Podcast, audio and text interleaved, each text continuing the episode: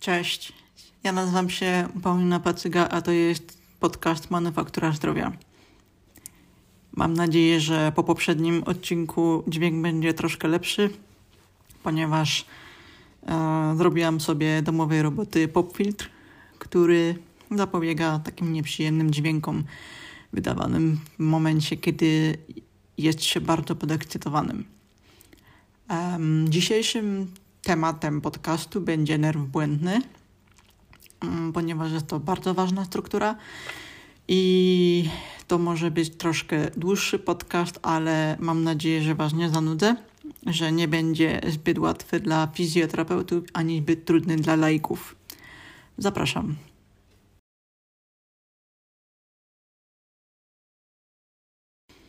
Najczęstszą formą pracy w gabinecie, jaką lubię pracować, jest terapia trzewna, ponieważ ona daje bardzo duże pole do popisu.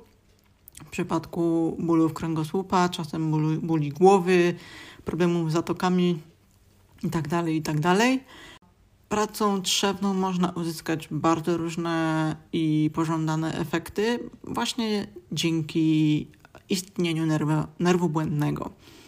Na początek muszę opisać troszkę anatomii tego nerwu, a zrobię to bardzo krótko, e, ponieważ nie zależy mi na szczegółowości jakby jego przebiegu, ale na opisaniu e, tego, gdzie on w ogóle się znajduje w naszym ciele.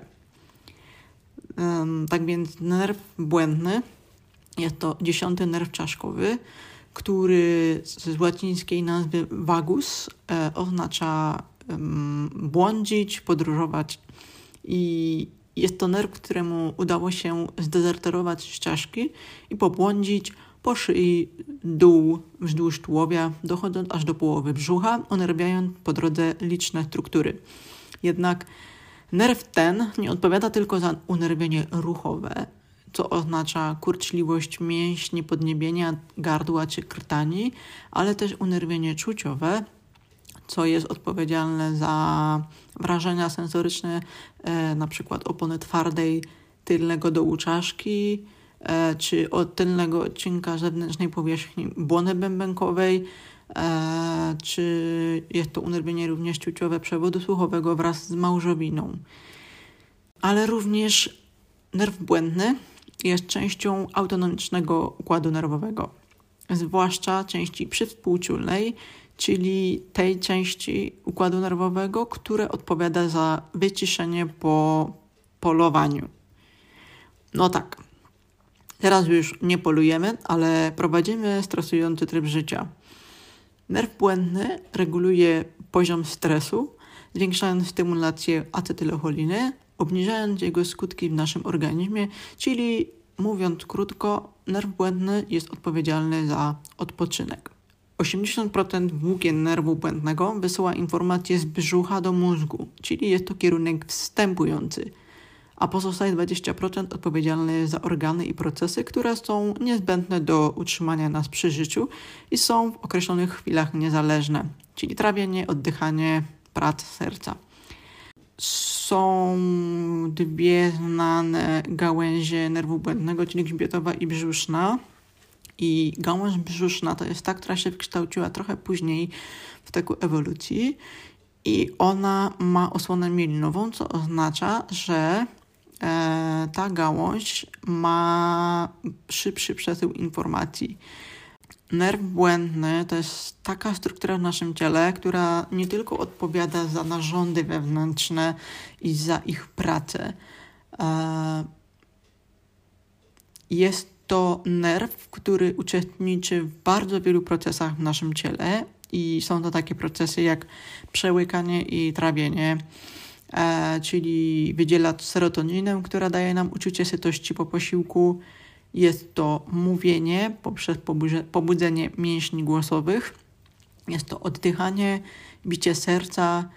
Tutaj występuje mechanizm zwalniania tętna, kontrola przepływu krwi reguluje poziom glukozy żółci, kontroluje masę ciała, zmniejsza stany zapalne, czyli kontroluje układ odpornościowy poprzez właśnie stymulację i kontrolę e, tych sytuacjach stresowych przez hormony. Odpowiada za wrażenia dotykowe, zawiera receptor oksytocyny, pozwala pokonać stres, zapobiega lękom i depresji, odpowiada za zaangażowanie społeczne. I ten właśnie ostatni punkt mamy, wydaje się taki mało anatomiczny, co to ma wspólnego z nerwem błędnym. Otóż tylko dlatego, że powiedzmy dinozaury, niektóre mądrzejsze, e, postanowiły troszkę ewoluować, postanowiły dbać o swoje potomstwo, które było e, wyjadane i rozkradane przez większe dinozaury. Zaczęły się skupiać w, skupis w skupiskach i nawzajem sobie pomagać. Zbudowały sobie taki system e, alarmowy między sobą i zaczęli się po prostu socjalizować, zaczęli tworzyć grupy i wspólnie dążyły do przetrwania.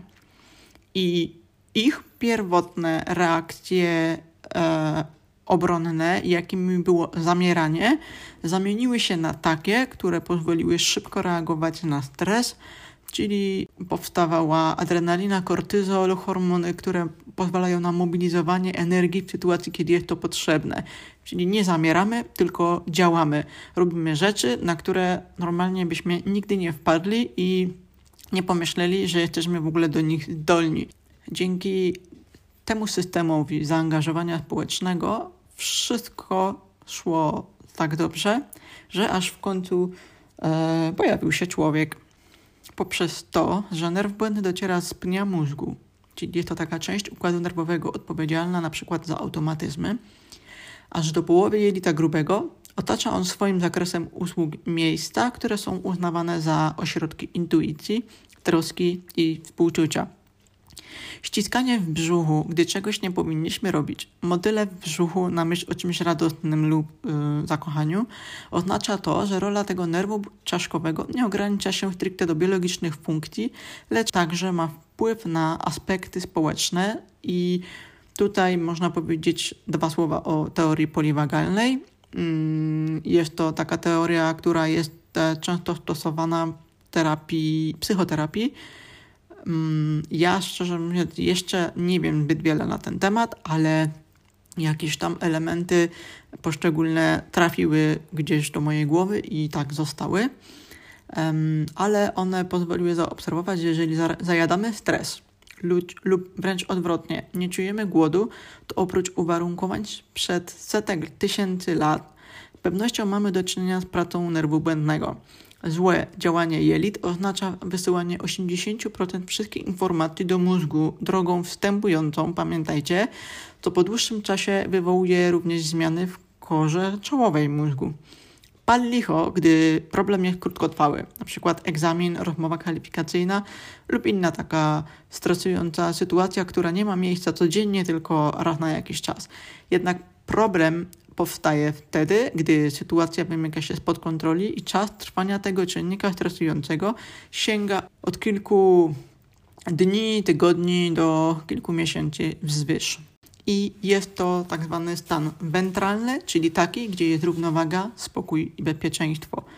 Wtedy dążymy do takiego stanu, który się nazywa stanem wentralnym, czyli takim, gdzie jest równowaga, spokój i bezpieczeństwo że równowaga to drugie imię nerwu błędnego. To jest ten stan autonomicznego układu nerwowego, do którego on nieustannie dąży, a który to proces skutecznie mu utrudniamy.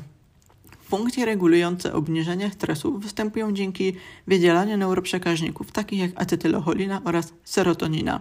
O ile acetylocholina to jest hormon, który, znaczy hormon, neuroprzekaźnik, który może nie do końca kojarzymy, ale jest to substancja, która pozwala nam utrzymać równowagę zarówno psychiczną, jak i fizyczną, ponieważ zmniejsza ciśnienie krwi, częstość akcji serca, zapewnia odpoczynek oraz umożliwia trawienie. Serotonina to jest taka substancja, która już gdzieś nam się pojawia tam w, e, w jakimś zakątku mózgu. Jest to hormon, który się kojarzy z uczuciem odprężenia.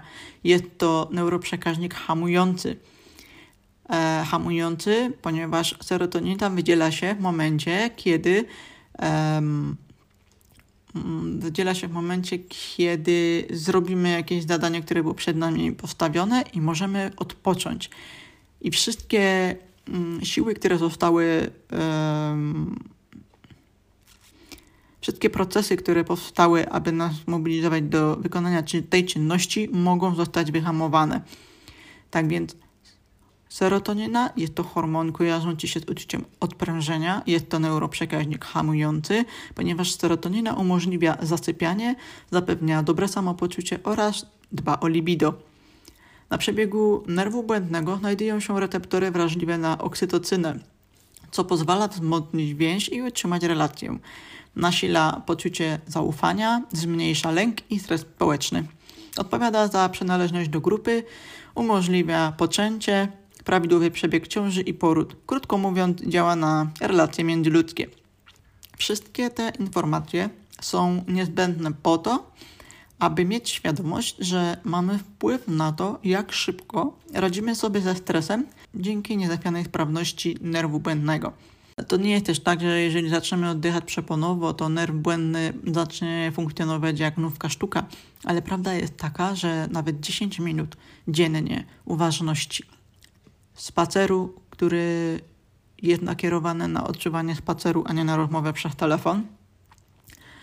Um, 10 minut medytacji, modlitwy, czegokolwiek, co pozwala nam skupić myśli, a nie worek myśli z różnymi tematami, które nam zawracają głowę.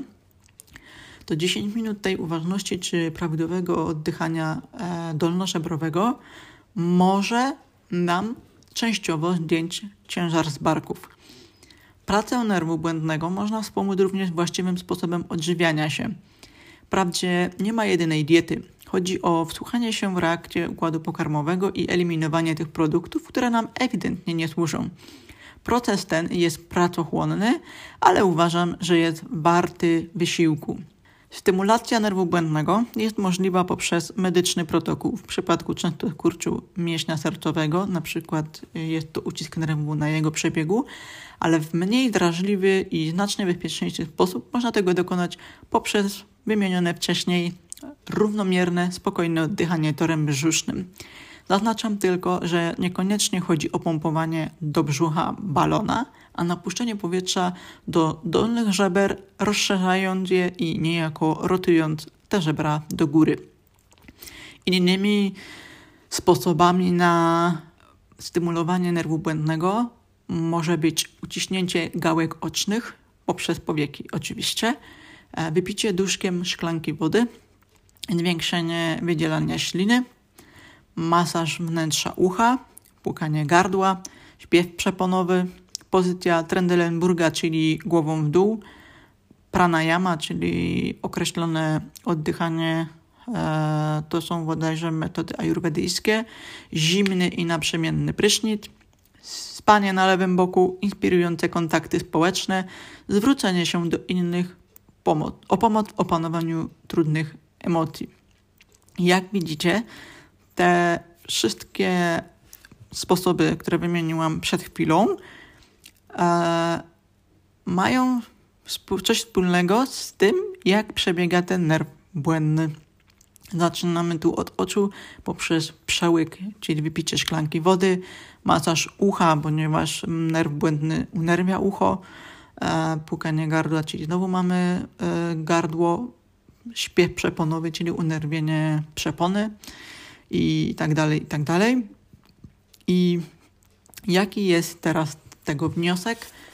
Ano taki, że skoro nerw błędny ma 80% informacji wstępujących, czyli przypominam z brzucha do głowy, to poprzez pracę visceralną, czyli moimi rękoma na jamie brzusznej, a mogę wpłynąć na przewodzenie informacji mogę wpłynąć na usunięcie mechanicznie o, tych dolegliwości, które mamy na poziomie narządów jamy brzusznej. Możemy wpłynąć na relaksację nerwu błędnego. Oczywiście to nie jest też tak, że po jednej terapii e, trzewnej wychodzi się z gabinetu e, wyleczonym i tak dalej, ponieważ jak już wspomniałam, dieta w przypadku e, bardzo kiepskiego odżywiania się i złego stanu jelit, czyli gdy mamy zaparcia lub różnego rodzaju zdęcia i tak będzie bardzo istotnym krokiem. Dlatego połączenie w sumie tych trzech kroków, czyli terapii visceralnej, czyli pracy jakby terapeuty na narządach jamy brzusznej, e, diety, czyli tutaj już jest praca domowa dla pacjenta, żeby zmienić pewne nawyki żywieniowe, odstawić produkty, które nie służą. To jest bardzo ważne. I trzecie, czyli metody, e, nazwijmy to relaksacji czy psychoterapeutyczne, bo niekiedy trzeba mm, sięgnąć po pomoc psychoterapeuty, choć sobie z tego nie zdajemy sprawy, ponieważ dla nas stres jest bardzo niewidzialny albo jest e, zawsze ma jedną twarz, czyli dajmy na to najczęściej jest to praca, że nas denerwuje e, ktoś w pracy lub to, że jednak sobie nie reagujemy z nadmiarem e, zajęć, które mamy narzucone lub nie do końca radzimy sobie z organizacją pracy i tak. I po co ja wam to wszystko mówię? Mianowicie po to, żebyście wiedzieli, że ból pleców, ból barku, mm, problemy z gulą w gardle każdego poranka, to nie jest coś, z czym mm, nie da się poradzić, bo da się poradzić.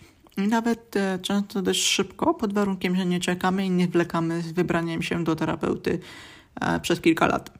Powiedziałam Wam o tym, jak działa nerw błędny, tylko dlatego, żebyście mieli świadomość, że jest coś takiego jak nerw błędny, że my osobiście mamy pośredni wpływ na jego działanie. I jeżeli chcemy zauważyć i zobaczyć, jaka jest faktyczna jego rola w naszym życiu, to myślę, że w tej chwili można się udać na przykład na taką platformę jak YouTube i poszukać sobie e, na przykład jakiejś medytacji, lub jak nauczyć się uważności, e, lub spróbować sobie pójść właśnie do lasu, bo jest to natura, są to drzewa, jest kojący dźwięk e, śpiewających ptaszków. To są e, takie okoliczności, które sprawiają, że nasz układ nerwowy się wycisza. Jeżeli my się wyciszymy, to teraz odpowiedz sobie na pytanie, czy te dolegliwości, które miałeś, miałaś jakieś dwie godziny wcześniej, czy one troszkę nie minęły.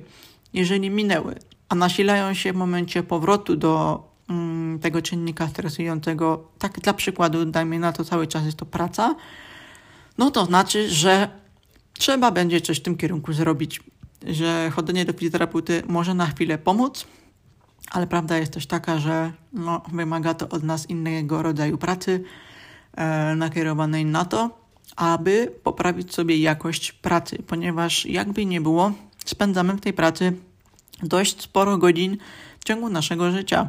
Wprawdzie najwięcej czasu spędzamy śpiąc, ale praca to jest kolejne dwie trzecie albo i nawet więcej niestety e, naszego życia. Dlatego dobrze jest chociażby podjąć małe kroki, aby sobie po prostu polepszyć jakość życia. I to jest wszystko dzisiejszym odcinku podcastu. Mam nadzieję, że nie zagmatwałam zbyt bardzo w temacie nerwu błędnego, ponieważ jest to struktura, o której można dużo mówić. Ja sama zamierzam się e, dowiedzieć jeszcze więcej na temat tej struktury poprzez lekturę o teorii poliwagalnej, o, o wpływie nerwu błędnego na terapię ponieważ e, im więcej wiem, tym więcej jestem w stanie zrobić coś dla pacjenta w gabinecie, żeby mu ułatwić proces zdrowienia. Także dziękuję bardzo za odsłuch. E, będzie mi bardzo miło, jeżeli udostępnisz ten odcinek podcastu dalej. Jest to dla mnie wciąż niezmiennie motywujące. Do zobaczenia w gabinecie i do usłyszenia w następnym odcinku. Hej, hej.